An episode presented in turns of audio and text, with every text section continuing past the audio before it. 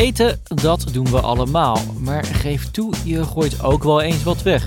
Een pak yoghurt dat net iets te lang over de datum is, een banaan die meer zwart dan geel is, of die maaltijd die toch wel behoorlijk mislukt was.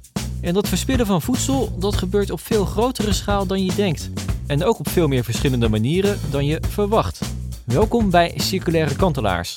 Mijn naam is Quintin Wierenga en in deze podcast praat ik met Twan Timmermans. Hij is betrokken bij de transitieagenda Biomassa en Voedsel. En hij werkt ook als programmamanager Duurzame Voedselketens aan de Wageningen Universiteit en is directeur van de stichting Samen tegen Voedselverspilling. Biomassa en voedsel is één van de vijf aangewezen sectoren die ervoor moet zorgen dat onze Nederlandse economie in 2050 geheel circulair is. We hebben het over waar we dan nu staan en wanneer we dat kantelpunt gaan bereiken. En wat is circulariteit in de voedselketen eigenlijk? Maar laten we eerst even beginnen met de definitie. Wat bedoelen we met biomassa en voedsel? Eigenlijk is biomassa heel simpel. Dat is alle substanties van organische oorsprong. Dus alle planten, dieren, micro-organismen uh, en de substantie daarvan, dat is biomassa. En een deel daarvan wordt gebruikt voor voedsel, maar een heel groot deel wordt gebruikt voor andere toepassingen. Ja, dus we zitten hier nu bij de Wageningen Universiteit. Als wij naar buiten kijken en we zien die bomen, dat is biomassa. Ja, bomen, gras, maar ook de dieren uh, en, en, ook de insecten en ook, ook de algen die in de zee leven. Dat is allemaal biomassa. En als we het dan over de industrie daarachter hebben, over wat voor producten hebben we het dan? Ja, dat is een hele range. En de toepassingen zitten eigenlijk vooral in de, nou ja, in, in, in de agro-food sector. Dus uh, denk natuurlijk aan voedsel, dat is, dat is een belangrijke toepassing. Maar we zien ook steeds meer toepassingen in de chemie. Uh, en een heel groot deel van onze biomassa wordt gebruikt om dieren te voeren. En daar krijg je natuurlijk weer voedsel en andere materialen uit, uh, uit terug. Maar dat zijn de grotere, de grotere volumes. En daarnaast wordt biomassa gebruikt om zeg maar, technische onderdelen te maken. Er wordt ook steeds meer biomassa gebruikt om bijvoorbeeld plastic kunststoffen te maken. En dat noemen we eigenlijk ook de bio-based economy. Dus hoe kunnen we hernieuwbare materialen? Want typisch van die biomassa is het, het is kortcyclisch. Dus dat betekent dat het productieproces en het gebruik daarvan relatief kortdurend is. En daarom is het ook onderscheidend ten opzichte van de, de langcyclische processen, zoals bijvoorbeeld voor het gebruik van fossiele olie. En dat biomassa en voedsel, daar zijn we in Nederland erg goed in. Ja, wij zijn, en die cijfers die zijn ook afgelopen jaar weer, weer ja, echt, echt heel hoog. Wij net recent uitkomen dat wij voor 96 miljard euro als Nederland exporteren. Dus daarmee zijn wij de tweede grootste exporteur van agro- en foodproducten in de hele wereld. En dat is, ja, dat, dat is terecht een wereldprestatie. Als klein landje. Als klein landje. Maar dat wil niet zeggen dat wij de grootste in produceren zijn. Wij zijn juist heel goed in het verhandelen of het het creëren van toegevoegde waarde met producten die we importeren en we exporteren. En daar is, daar is Duitsland onze grootste afzetmarkt voor. En wat zijn dan onze grootste successen? Onze grootste successen dat we en heel hoog productief zijn, maar uiteindelijk zijn we ook verbonden aan bijvoorbeeld de infrastructuur. Dus de haven van uh, Rotterdam is een heel belangrijke factor, ook om dat doorvoerland naar, uh, naar een land als Duitsland te kunnen zijn. Nu had ik het net al over de ambitie voor de Nederlandse economie. Die moet in 2050 helemaal circulair zijn. En dat betekent ook dat de biomassa- en voedselsector aan de slag moet, zegt Twan Timmermans. Nou, dit is relevant omdat we alleen maar het onderwerp voedselverspilling, wat heel tastbaar is. Ongeveer een derde van het voedsel wat we produceren wordt niet benut wereldwijd. In Nederland is dat zo'n 20, 25 procent. Eigenlijk de grondstoffen die daarvoor gebruikt zijn, ook bijvoorbeeld CO2-equivalenten weer, zo'n 8 procent is gebruikt om iets te produceren wat we niet benutten. Dus dat zijn ook de simpelste dingen die je kunt stoppen. Uh, als je minder produceert, omdat je het veel efficiënter en effectiever gebruikt, hoef je ook al die inputs niet te gebruiken. Dus het is eigenlijk een heel directe maatregel om een systeem veel effectiever, efficiënter te maken. Minder druk op gebruik van, uh, van grondstoffen waar eigenlijk ook niemand tegen is. Kijk, het circulair, dan moet je dus zorgen dat je hele systeem voedend blijft. Dus dat het, dat het volhoudbaar duurzaam wordt. Dat betekent dat je ook goed voor je bodem weer moet zorgen. Dus dat in dit geval een reststroom uit de hele biomassa sector is mest. We hebben daar zo'n uh, 5 miljoen ton van, 5,7 miljoen ton in Nederland. Dat die ook weer teruggaat naar die bodem. En dat we niet uh, in circulariteit betekent wat mij betreft ook dat we zorgen dat alles goed gevoed wordt. En dat we niet bijvoorbeeld daar eerst energie uithalen of allerlei andere dingen. Maar gewoon zorgen dat die cyclus zo goed mogelijk, zo effectief mogelijk gesloten wordt. En gewoon minder verspillen, dat klinkt voor mij als een relatief eenvoudige quick fix, zeg maar. Ja, dat is wel zo. Dat is absoluut zo. Alleen dan moeten we niet, en dat, dat is denk ik wat we de in, in nou ja, zo'n tien jaar, vijf jaar geleden gezien hebben We moeten niet op het symptoom alleen kijken van hey, er is ergens iets over, laten we daar iets van maken of laten we het daar verminderen. Je moet dat dan wel door die hele keten proberen door te trekken, want anders ga je het uiteindelijk het probleem verplaatsen. En dat betekent eigenlijk heel simpelweg, als je minder verspilt, dat, gaat, dat werkt alleen als je ook minder gaat produceren. Dan heb je echt de grote, de grote voordelen. Als je minder gaat produceren bij dezelfde behoefte aan, eh, aan producten. We moeten dus minder voedsel verspillen. En dan is de vraag, zijn we daarbij op de goede weg? Verspillen we al steeds minder voedsel? En dat blijkt gelukkig het geval, geven de cijfers ook aan. Zo daalde de voedselverspilling in Nederland tussen 2016 en 2019 dus in drie jaar tijd met 17% Wij consumenten zijn bijvoorbeeld steeds bewuster geworden van dit probleem. En bedrijven zijn de portiegroottes gaan verkleinen.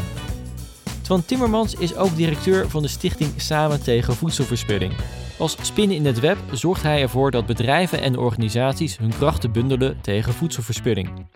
De afgelopen jaren droeg ook zijn stichting bij om die verspillingscijfers omlaag te krijgen. Dit is een heel proces. Ik gaf al aan, ik ben al een tijdje bezig in dit uh, de werkveld. En dan ga je eens kijken, wat zijn de oplossingen? En wat we zagen is dat er wel veel oplossingen waren. Rond 2015, honderden. Uh, alleen onderaan de streep zagen we niet die nou, eigenlijk die verandering. We zagen niet dat kantelpunt komen van nu gaat het substantieel beter worden. Nou, dat leidde ook tot een ongemakkelijk gevoel voor beeldbedrijven die daarmee bezig waren. En ook de overheid. We moeten een beter plan maken. Uh, en met die bedrijven, met de overheden, heb ik gezegd van hey, wat als we nu inderdaad dat betere plan niet alleen gaan maken, maar ook gaan realiseren. Dus dat is eigenlijk voor het eerst dat er meer systematisch is gekeken van hoe gaan we die circulaire economie, dat heeft ook geleid tot de oprichting van de Task Force Circular Economy and Food, met een gemeenschappelijke agenda, een gemeenschappelijk doel, halvering van voedselverspilling in 2030, waarbij elementen zijn, we worden transparant, we gaan het meten en, en ook we berekenen de impacts, we gaan met innovaties aan de slag, we gaan die consument uh, activeren en helpen om minder te verspillen. En ik denk een cruciale factor die we eraan toegevoegd hebben, we gaan ook die spelregels voor de lange termijn met elkaar veranderen, zodat het straks voor alle ondernemers en alle bedrijven interessant wordt, interessanter wordt om die voedselverspilling echt naar beneden te brengen. En over wat voor spelregels hebben we het dan? Nou, we hebben er, en dat is dan ook in een consultatieproces met bedrijven gebeurd en overheden, om te kijken van niet alleen wat zijn de spelregels, maar we zijn tot een top 10 gekomen van spelregels waarvan we ook zien dat daar momentum kan ontstaan om dingen echt te gaan veranderen. En dat zit in sommige gevallen op, nou, hebben we het over dezelfde dingen. Dus gebruiken we een definitie waar, waar iedereen mee uit de voeten kan. Dat zijn de simpele dingen om op te lossen vaak. Uh, maar daar zitten ook uh, belem of het weghalen van belemmeringen. Bijvoorbeeld, nu is het niet toegestaan, en dat is wetgeving die ongeveer 15 jaar geleden is veranderd, om reststromen waar mogelijk dierlijke materialen in zitten, om die in de voedselketen te houden. Dan praat je over schrik niet, zo'n 14 miljoen ton, die nu wordt vernietigd omdat het niet mag. En over wat voor producten hebben we het dan? Nou, denk bijvoorbeeld aan het sausijsbroodje wat eind van de dag niet verkocht is in de supermarkt. Dat moet vernietigd worden. Uh, en, dat, en daar is een goede reden toe. Want 15 jaar geleden hadden we uitbraak, of iets langer geleden, van een aantal dierziektes, waardoor eigenlijk een, een, een, een ban is gesteld op gebruik van dat soort stromen. Maar we zien en dat bewijs is er duidelijk dat er eigenlijk veel meer stromen toch op een veilige manier, veilig voor mensen en dieren, wel benut kunnen worden. En we zien dat er daar dus nu momentum ontstaat. Van ja, dat is toch eigenlijk zonde, gegeven de uitdagingen waar we voor staan, om die grondstoffen beter te benutten. Dat we dit vernietigen, dat moeten we, als het veilig kan, en dat kan, zorgen dat dat stap voor stap weer in die voedselketen teruggebracht kan worden. En dan maken we die keten dus echt circulair. Met zijn stichting Samen tegen Voedselverspilling gaat het om het bundelen van krachten. En dat is een mooi bruggetje naar de kettingvraag. Die is dit keer voor Jos Keurentjes, voorzitter van de transitieagenda Kunststoffen. De helft van alle kunststoffen wordt ingezet als verpakkingsmateriaal. En een belangrijke toepassing daarvoor is het verpakken van voedingsmiddelen. Uh, de vraag die ik zou hebben is of je met minder verpakkingsmateriaal uiteindelijk toch tot een even goede uh, en, en houdbare voedselvoorziening kunt komen. Ja, dat is een hele goede vraag. En we zien ook dat, het, dat dat vaak kan. We hebben nu ook een project gestart samen met eigenlijk het hele bedrijfsleven, van, uh, van, van producenten uh, tot en met de retailers en de verpakkende industrie, om te kijken van waar ligt nou die optimale balans tussen verpakken versus verliezen. Want, en dan gaan we juist op zoek naar die combinaties waar uh, bedrijven hun doelstellingen op het gebied van minder verpakkingen, wat de meeste bedrijven hebben getekend, als de doelstellingen op halvering van hun voedselverspilling kunnen halen. Uh, en als je daar samen in gaat optrekken, dus niet ieder doel op zich gaat halen, dan kom je tot heel interessante combinaties waar je ziet dat er veel meer mogelijk is dan op dit moment gebeurt. Wat je praktijk vaak is, is dat vaak één onderdeel leidend wordt genomen. En in dit moment is dat toch vaak die verpakking. Uh, en wordt die verspilling niet meegenomen in de hele aanpak en de keuzes die worden, worden gemaakt. Dus het kan, maar dat vraagt wel om een soort al andere benadering dan alleen maar naar dat ene single issue kijken. En dat vraagt ook samenwerking. Samenwerking in ketens, uh, nadenken over innovatie, hoe je toch dat eigenlijk qua bij ontwerp al de juiste keuzes gaat maken en beide uh, en meer aspecten mee gaat. Uh, Hoe zou dat er in de ideale praktijk dan uitzien? Nou, het, het, interessante is, en dat, dat is ook wel mooi, want dat komt ook bij elkaar in, de, in, de, in het instituut waar we hier, uh, hier, hier zitten in Wageningen, is dat zowel de kennis op het gebied van verpakking, recycling, hoe werkt dat in de praktijk? Dus welke materialen worden op welke manier weer ingezameld? Wat is de mogelijkheid om te, te, te recyclen en te, weer te gebruiken? Als de voedselverspilling bij elkaar komt. Alleen die kennis moet je dus wel bij elkaar brengen in modellen of in de aanpak. Uh, en wat verder kijken dan de dag van morgen. Dus wat zou er over vijf jaar mogelijk zijn als je ook weet wat de nieuwe inrichtingen gaat worden, bijvoorbeeld voor het scheiden en het inzamelen van verpakkingen. En wat zijn de materialen die eraan zitten, zitten komen. En wat we merken, en daarom doen we dit ook samen met bedrijfsleven op het gebied van cases, is dat bedrijven steeds meer cases inbrengen. En zeggen van ja, maar we zitten hierover na te denken. Help ons vanuit beide perspectieven, beide perspectieven dus zowel die verpakking verduurzamen en circulair maken als verspilling verminderen. Welke keuzes we daar nu en voor de lange termijn in kunnen maken. Gaan we nog even terug naar dat broodje van net dat overbleef. Dat kan je bijvoorbeeld, als je het niet wilt verspillen, verwerken tot voedsel voor dieren. Als we het over de veesector hebben, dan is daar sowieso al flink veel winst te maken. Minder dierlijke eiwitten eten bijvoorbeeld, dus minder vlees, zou veel milieuwinst opleveren. Maar ja, niet iedereen wil vegetariër worden. Er is nog iets waar we dan naar kijken. En dat is het voedsel dat we onze dieren voeren. Want is dat voedsel niet iets dat wij ook zelf zouden kunnen eten? heel veel uh, granen bijvoorbeeld. En, die, die, ja, eh, en dat geldt bijna alles, alle granen die in Nederland worden, worden geproduceerd. Ook, ook dat gaat, uh, dat, dat gaat naar vee. Uh, dat geldt natuurlijk zeker voor gras. Kijk, gras kunnen wij zelf nog niet eten. Alhoewel je ook ziet dat daar innovaties nu op gaan plaatsvinden. waardoor de koe eigenlijk, althans geprobeerd wordt om die koe daarover te slaan. Om toch via, via een bioraffinage of een fermentatieproces rechtstreeks het gras ook weer menselijke uh, producten voor menselijke consumptie te maken. Nou, dat zal nog wel een aantal jaren duren, maar ook die stap uh, lijken, lijken gezet te gaan, uh, te gaan worden. Maar de realiteit is, en dat is wereldwijd, dat heel veel van wat wij kunnen eten ook die rechtstreeks aan mensen gegeven zou kunnen worden. En dat is denk ik iets waar we, waar we, waar we echt wel anders naar moeten kijken. Uh, en dat is een soort constante. Je ziet dat eigenlijk al vanaf de jaren 80 van de vorige, vorige eeuw. Is dat we per persoon in de wereld zo'n 4600, 5000 kilocalorieën per persoon per dag produceren. Terwijl we ongeveer 2000, 2200 nodig hebben. Nou, wat zijn daar de factoren waardoor we eigenlijk tot minder dan een halvering komen? Nou, dat is voedselverliezen aan het begin van de keten, voedselverspilling aan het eind van de keten en dat is de grootste bulk. Dat we heel veel van, dat, uh, van, van, van die kilocalorie aan dieren voeren. En daar krijg je natuurlijk wel iets terug. Maar dat is minder efficiënt, levert minder op dan wat je qua kilocalorie erin gestopt uh, hebt. En daar moeten we denk ik heel goed naar kijken. Willen we die maatschappelijke doelen uh, op het gebied van klimaat en biodiversiteit gaan halen? Van, is, is het logisch dat we zoveel van onze grondstoffen, land, water enzovoorts benutten om uh, iets te produceren wat dieren eten, uh, terwijl we dat eigenlijk zelf ook hadden kunnen eten. Er blijft veel voedsel over uit zogeheten reststromen. Dus voedsel dat wij als mensen niet meer gebruiken. Dat kan prima als diervoeding worden gebruikt. En dan kunnen wij weer voedsel eten dat nu dieren nog eten. Zoals bierborstel bijvoorbeeld. Bierborstel is een restproduct uit de bierindustrie. Het is wat overblijft van het gerstgraan na het brouwen van bier en is nu voedsel voor dieren. Maar zou Twan Timmermans het daar ook voor gebruiken? Nee. Ja, kijk, het wordt al honderden jaren letterlijk voor, uh, voor gebruikt inderdaad voor, voor veevoer. En dat is ook logisch, omdat het ja, boordevol eiwitten en, en vezels zit. Dus het is een waardevol product uh, voor de veevoerindustrie. Een aantal, en dat, dat past in de transitiedenken. Van ja, hoe kunnen we nu zorgen? Want er, er ontstaat absoluut een grotere vraag naar hoogwaardige eiwitten. Nou, bierborst zit vol met hoogwaardige eiwitten voor menselijke consumptie. Dus je zag een aantal jaar geleden een aantal bedrijven, start-ups, kleine social innovators kijken van hoe kunnen we daar waardevolle producten, denk aan brood of granola's, kunnen maken.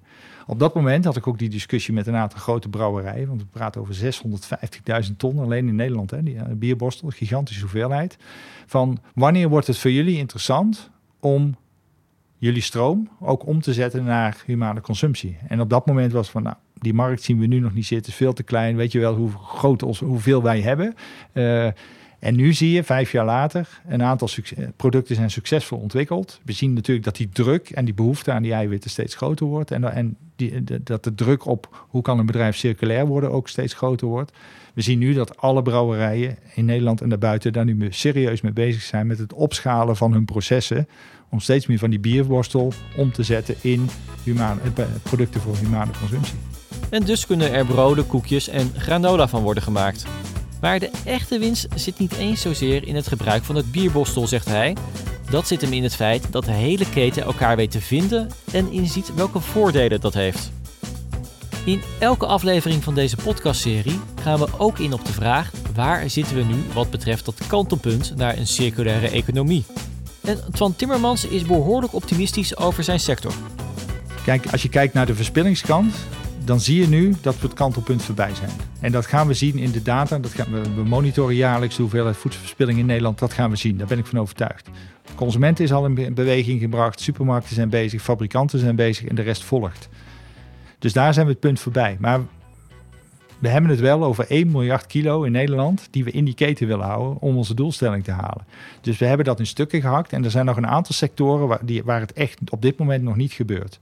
Uh, en daar speelt dus een belangrijke rol. Hoe zit het met de prijsstelling? Hoe zit het met de vraag? Hoe kunnen we die ketens laten ontstaan? Waardoor het bijvoorbeeld, en dat gaat over grote stromen, aan producten waar op dat moment geen vraag voor is, of die net een tweede kwaliteit zijn en die niet, ja, die, die niet voldoen aan de specificaties. Hoe kunnen we toch zorgen dat die omgezet worden in waardevolle producten op grote schaal. En, daar liggen de zijn dat? Nou, dat zit, dat zit toch vooral in de, in, in, de, ja, in de primaire sector. Dus denk aan, aan de aardappelen, maar ook de groente en fruit. Van op het moment dat de kwaliteit iets minder is en het aanbod is te groot, dan worden ze vernietigd. Op zijn best compost of misschien energie of veevoer, maar eigenlijk zonde. Ja, daar kun je dus prima producten van maken. Maar dan moet je wel die keten en het systeem wel op veranderen. Uh, en ik merk een hele grote toenemende bereidwilligheid van partijen om te zeggen we gaan dat doen. Wat een belangrijke is, ik, ik gaf al aan, de supermarktketens verspillen minder. Uh, zij doneerden veelal die producten aan de voedselbank. Nou, we zien nu ook door de crisis dat de behoefte van producten aan de voedselbanken toeneemt, maar ook andere programma's, denk aan Rode Kruis. Uh, maar die bedrijven die voelen zich wel, nou ja, moreel verplicht, letterlijk, om te zorgen dat die producten wel daar terechtkomen waar het nodig is. Dus die zijn nu aan het nadenken van hoe kunnen we de stromen die we eerst hadden, maar die, die worden nu verkocht, die worden gegeten. Hoe kunnen we zorgen dat we onze verantwoordelijkheid nemen om die producten die bij onze leveranciers liggen, wel om te zetten naar producten, zodat we ook de voedselbanken kunnen voorzien. En daar ligt nu een groot programma op tafel, maar dat kan eigenlijk niet zonder toch die aanjaagfunctie ook van een overheid om te kijken van hoe gaan we dat model zo aantrekkelijk mogelijk maken. Uh, en ja, zo hebben we allemaal een rol te spelen om dit voor elkaar te krijgen. Berekeningen zijn dat dat ongeveer 100.000 ton aan voedselverspilling weer extra zou kunnen schelen. Uh, dus dan pakken we toch weer 10% van onze totale ambitie en roadmap als we dat voor elkaar zouden krijgen. Klinkt heel positief, maar toch zegt hij ook: we staan nog steeds aan het begin. Er is nog veel meer mogelijk. Alle bedrijven die in de voedselsector zitten, zouden moeten kijken wat we tegen voedselverspilling kunnen doen en hoe we ons voedsel optimaal benutten. Want dat is niet alleen idealistisch, maar ook een hartstikke goede business case. Wat we zien, en dat, dat zeggen de bedrijven gelukkig zelf, eh, als we helemaal gaan meten en we gaan met die oplossingen aan de slag, ja, dan stopt het niet meer, want het levert niet alleen economisch gewin op, maar we zien ook dat het aantrekkelijker is voor, nou ja, voor de medewerkers. Die worden, daar, ja, die worden er toch gemotiveerd van. Dus het is ook een aantrekkelijke werkgever zijn. Maar het is ecologisch en ook maatschappelijk natuurlijk ook positief. Wat het interessante is, en dat, dat zie je uit cases voor bedrijven die aan de, het voorkomen van verspilling hebben gewerkt. Voor succesvolle cases, het verdienmodel is gemiddeld 1 op 14. Dus 1 euro geïnvesteerd levert 14 euro op. Dat is een gigantisch rendement. Dat klopt. Dus dan denk je, dat gaat iedereen dus doen. Nee. Er is dus meer nodig om die economie, om dat hele systeem, om die mindset zo te veranderen dat het normaal is dat je alle grondstoffen goed gebruikt. Maar het is eigenlijk gek inderdaad dat, dat ook bedrijven dit vaak laten liggen. En dat zit door gebrek aan inzicht vaak, dus daar kunnen we bij, uh, kunnen we bij helpen. En je moet het vaak als keten durven doen. Dus je moet die samenwerking ook meer opzoeken om, het, om, om als keten die grotere oplossingen te gaan realiseren. Dus als we het over het tegengaan van voedselverspilling hebben, is er geen reden te bedenken om hier niet mee aan de slag te gaan. Dit was het voor deze aflevering van Circulaire Kantelaars. Mijn naam is Quinty Wierenga en ben je benieuwd hoe het in de andere sectoren gaat als we het hebben over de ambitie om de Nederlandse economie in 2050 circulair te hebben? Luister dan de afleveringen met de andere kantelaars in deze podcastserie.